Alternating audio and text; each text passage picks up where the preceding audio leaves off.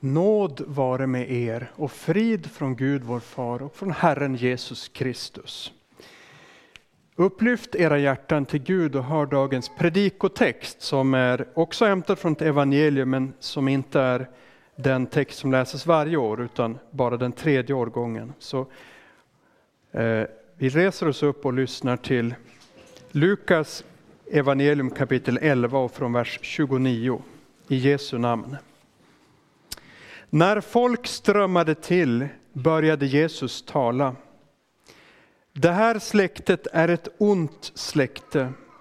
Det söker ett tecken, men det ska inte få något annat än Jona tecken. Så som Jona var ett tecken för folket i Nineve, så ska Människosonen vara det för det här släktet. Söderns drottning ska vid domen uppstå med det här släktet och bli deras dom. Hon kom från jordens ände för att lyssna till Salomos vishet. Och här är något som är större än Salomo. Nineves män ska vid domen uppstå med det här släktet och bli deras dom. De omvände sig vid Jonas predikan och här är något som är större än Jona. Ingen tänder ett ljus och sätter det i skymundan eller under skeppan, utan man sätter det på hållaren så att de som kommer in får se ljuset. Så lyder det heliga evangeliet. Lovad vare du Kristus.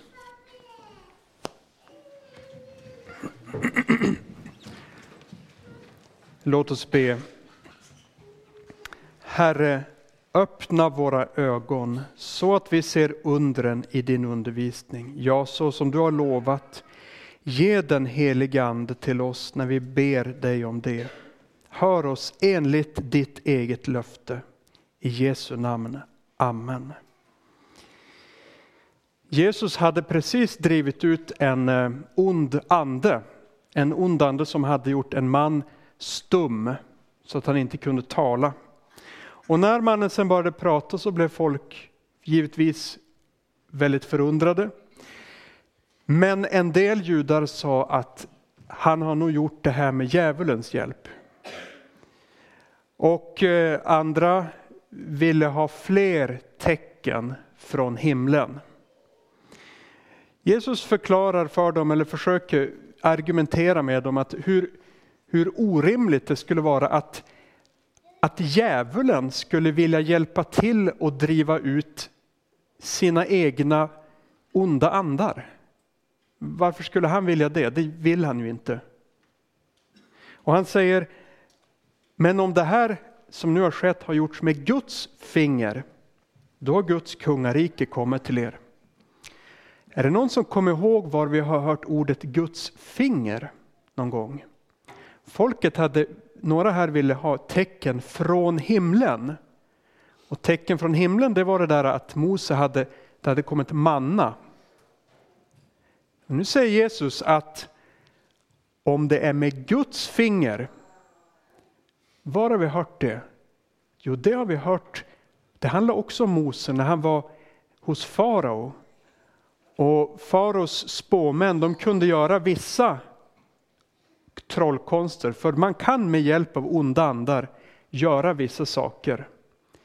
Vi kan eh, höra från Afrika och, och även faktiskt från Europa om hur människor med hjälp av kontakt med onda andar kan sticka vassa föremål genom sig och dra ut och det blöder ingenting, det händer ingenting. Kan lyfta från marken, kan klättra på väggen och upp på taket och göra underliga saker. Och så kunde också Egyptens spåmän göra vissa saker, men det gick en, kom till en gräns där de inte längre kunde. Och då sa de att det här var gjort med Guds finger, det Mose hade gjort. Och nu säger Jesus till folket som har begärt att få tecken från himlen, han visar att det jag har gjort nu kan inte vara gjort med hjälp av onda andar. Och om det inte är gjort det utan gjort med Guds finger, då borde de inte behöva något tecken alls till. Då ser de att det är samma tecken som Mose kom med. Det är alltså Gud som är här. Och I det sammanhanget säger han också att saliga är de som lyssnar till Guds ord och bevarar det. här har Guds son kommit till världen och aldrig har något större hänt i Israel än när hans fötter vandrade där.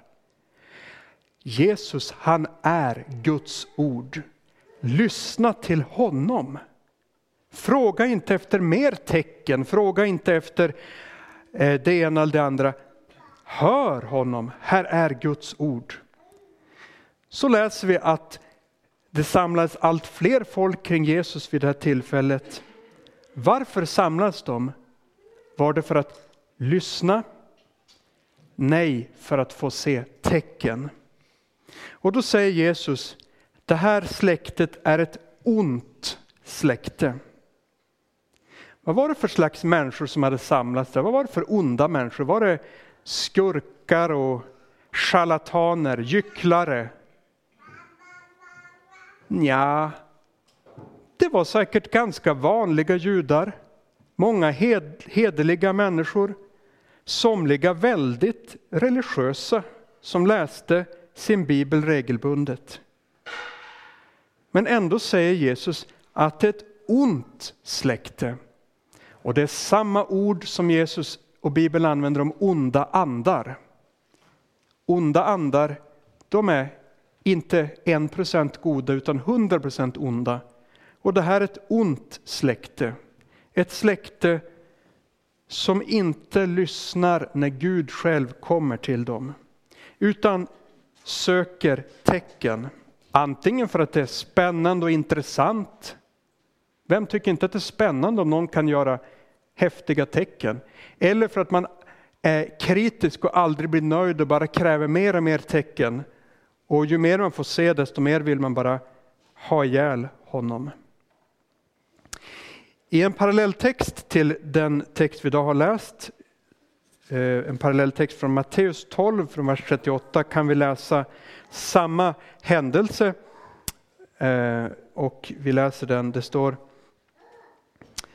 eh, några, fariser, några skriftlärda och fariseer sa till Jesus Mästare, vi vill se dig göra ett tecken. Han svarade dem ett ont och trolöst släkte söker ett tecken, men det ska inte få något annat tecken än profeten Jona tecken. För liksom Jona var i den stora fiskens buk i tre dagar och tre nätter, så ska Människosonen vara i jordens inre i tre dagar och tre nätter. Men från Nineve ska vid domen uppstå med det här släktet och bli deras dom. Eller egentligen står det, och fördöma det. De omvände sig vid Jona predikan och se, här är mer än Jona. Söderns drottning ska vid domen uppstå med det här släktet och fördöma det. Hon kom från jordens ände för att lyssna till Salomos vishet och se, här är mer än Salomo. Jona är en förebild på Kristus. Han blev ju slukad av en fisk och fisken åkte ner på havets botten kan vi läsa i Jona bok. Och ändå efter tre dygn så blev han uppkastad på eh, torra land igen. Och det är ju ett underverk. Det är ju inte någonting som, som händer normalt att folk blir svalda av en fisk och sen ändå och i princip döda då. Och sen ändå uppkastade och helt levande. Och det skedde med det här tretalet, tre dygn. Och på det sättet var det en förebild till vad Jesus skulle göra. Han blev ju inte bara nästan död, utan han blev verkligen helt död.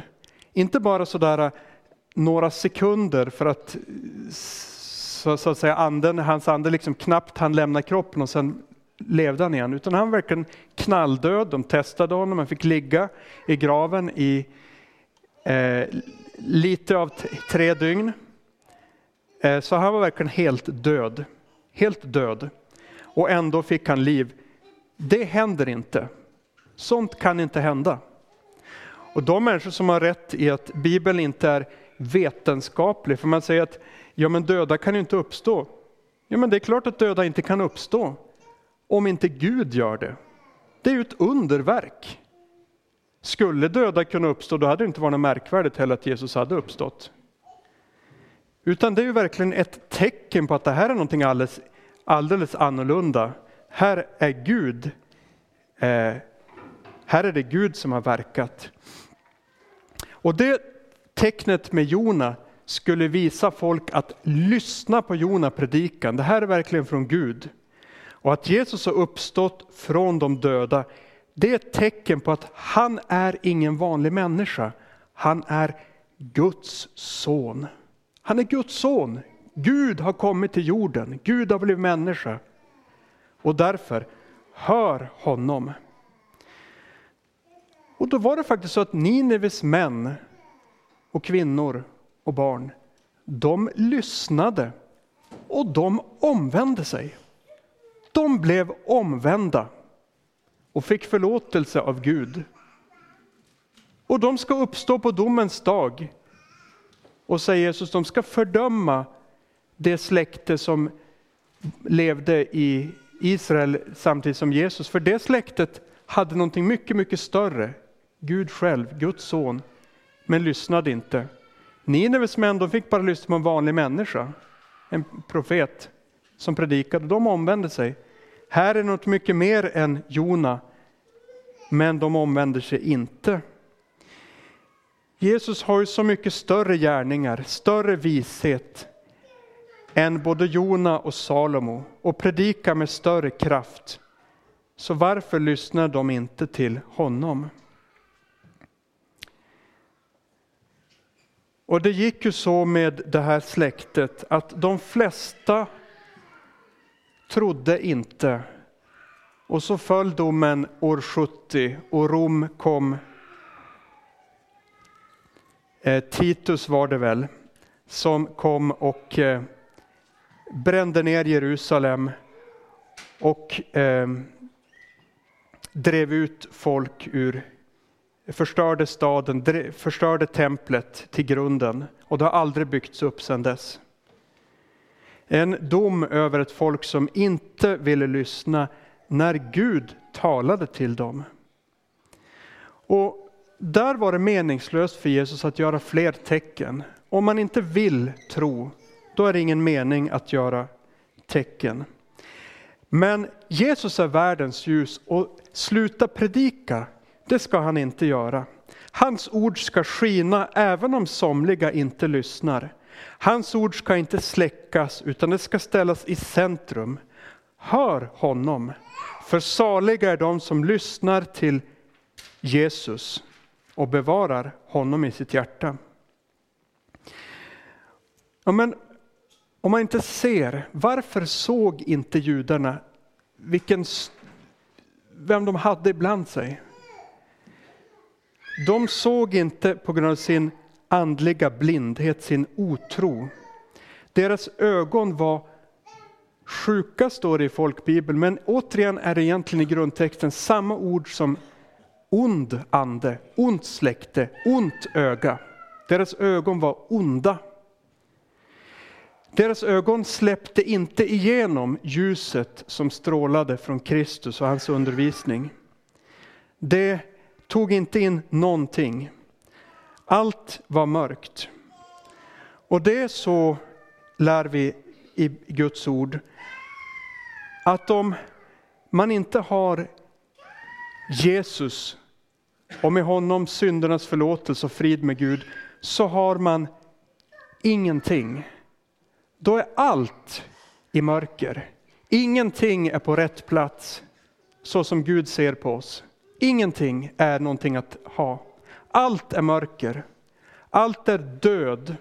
Allt är under förbannelse. Det finns ingenting som Gud kan glädja sig över hos en människa. Och människan kan inte se klart egentligen i grund och botten i någonting.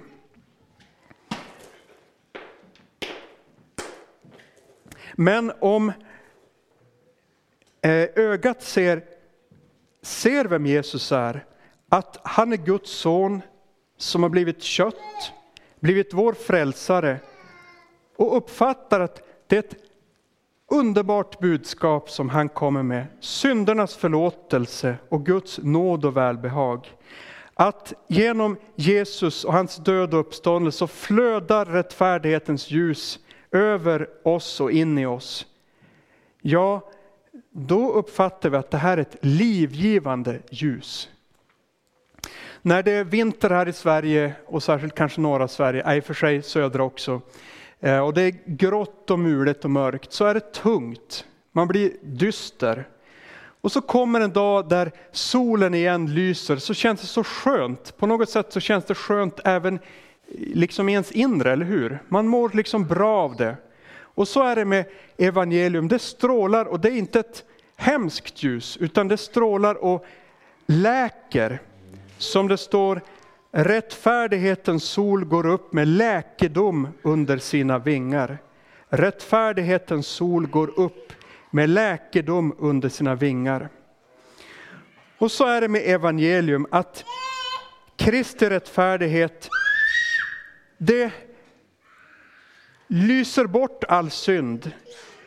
Inget lämnas kvar. Ni vet att en, ett moln kan vara så att man, man ser molnet, men sen om man står och tittar länge på det, så liksom försvinner molnet faktiskt framför ens ögon. Det kan hända. Och det är solen som liksom torkar bort och försvinner, eh, tar bort eh, molnen. Och så Jesu förlåtelse, det tar bort vår synd, förlåter allting, gör allting ljust och gott. Och Jesus han har dött för dina synder och uppstått som bevis på att du har blivit rättfärdig inför Gud. Och allt detta har han överlämnat åt dig i dopet. Det har blivit ditt. Han kan säga, jag har förlossat dig, jag har kallat dig vid namn, du är min. Så säger Gud till dig. Och idag i avlösningens ord så har återigen samma ljus från Kristus lyst på dig. Dina synder är dig förlåtna i Jesu namn och blod. Och det lyser också på oss i välsignelsen till slut. Låt oss lyssna till julepisteln som vi har hört tidigare under de här dagarna. Det ska inte vara nattsvart mörker där ångest nu råder. Förr i tiden lät han Sebulons och Naftalis land vara föraktat. Men i kommande dagar ska han ge ära åt trakten längs havsvägen, landet på andra sidan Jordan, hedna folkens Galileen. Det folk som vandrar i mörkret ska se ett stort ljus. Över dem som bor i dödsskuggans land ska ljuset stråla fram. Du förökar det folk som, inte, som du inte gett stor glädje. De ska glädjas inför dig som man gläds under skördetiden, som man jublar när man delar byte. För du ska bryta deras bördors ok, deras skuldrors käpp och deras plågares stav som på Midjans tid. Ja, varje stövel buren i stridslarm och varje mantel vältrad i blod ska brännas, brännas upp och förtäras av eld. För ett barn blir oss fött, en son blir oss given.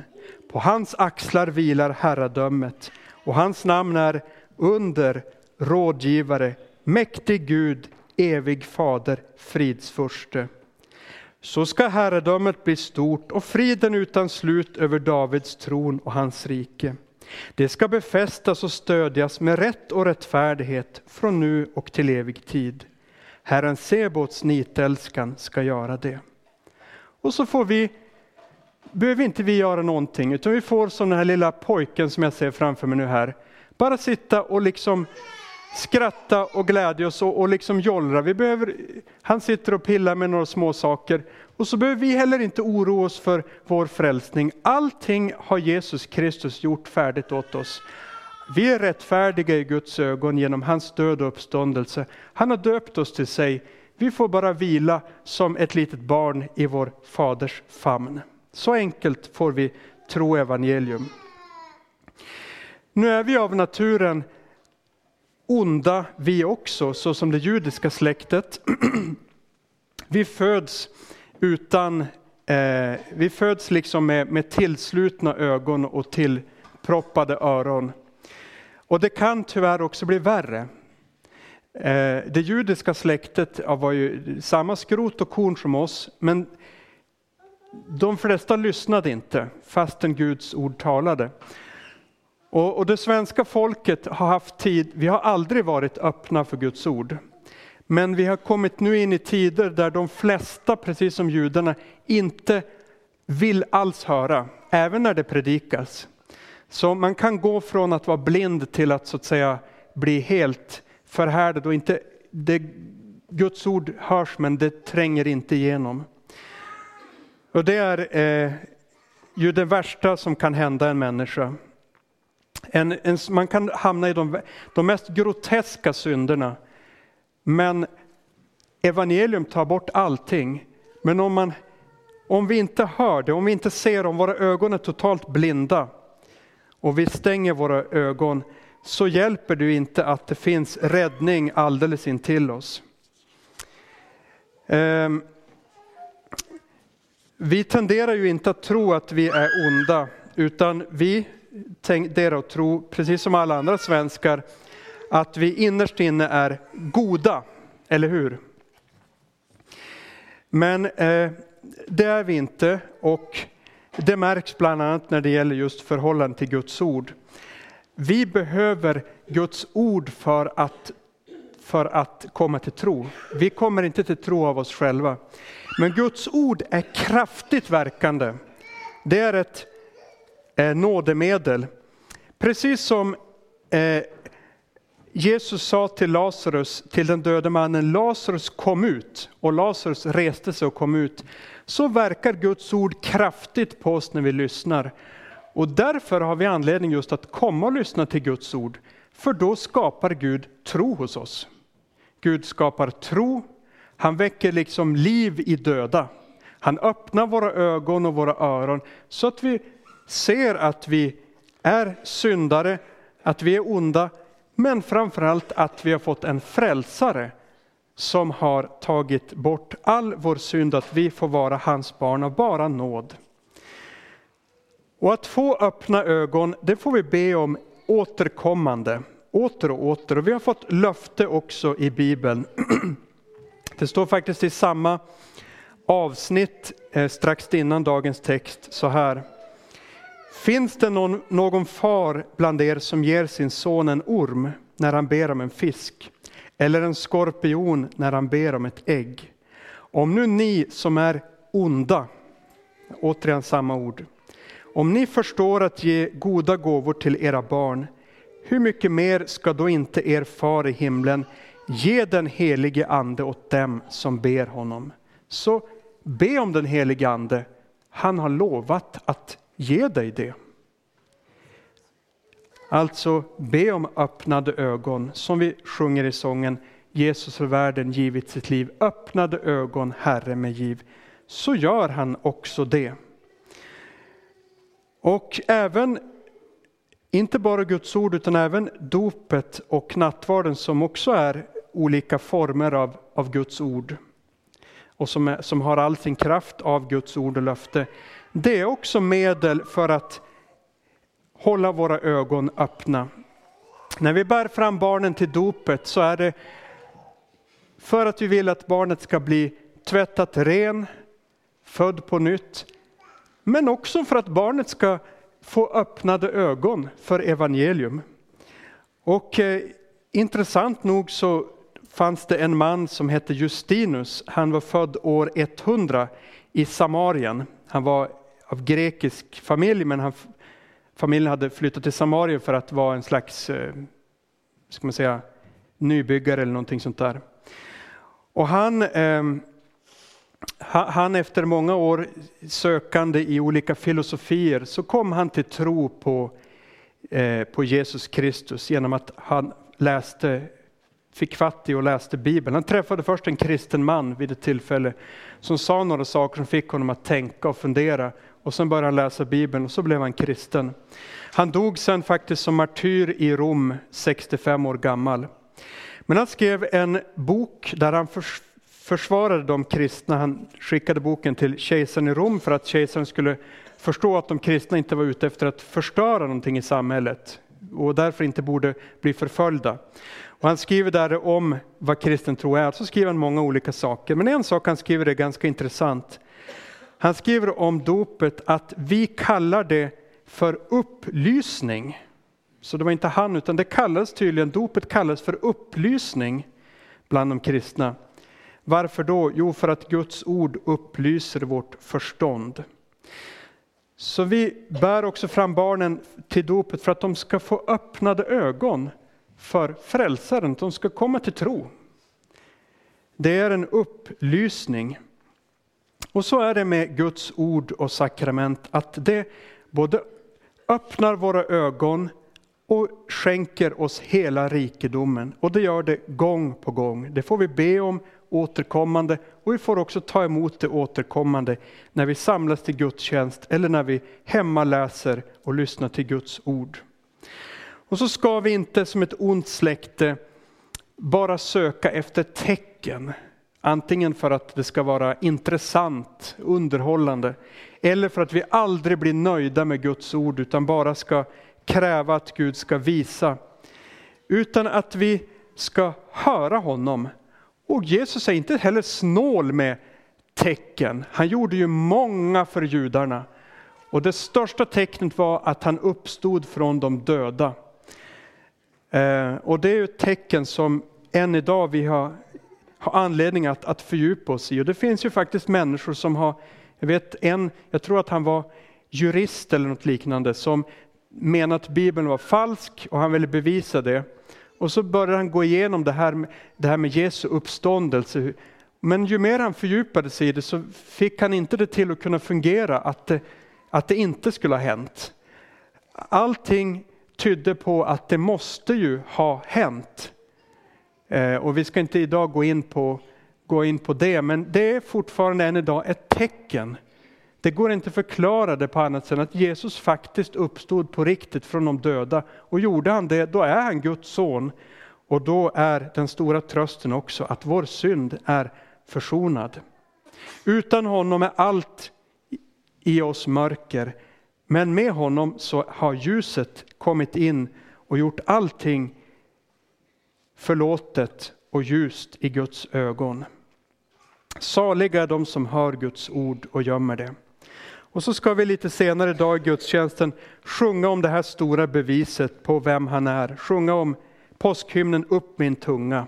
Alltså sjunga om Jona tecken. Herrens Jesu nåd vare med dig vare med oss alla. Amen. Ära vare Fadern och Sonen och den helige Ande, så som det var av begynnelsen, nu är och skall vara, från evighet till evighet. Amen.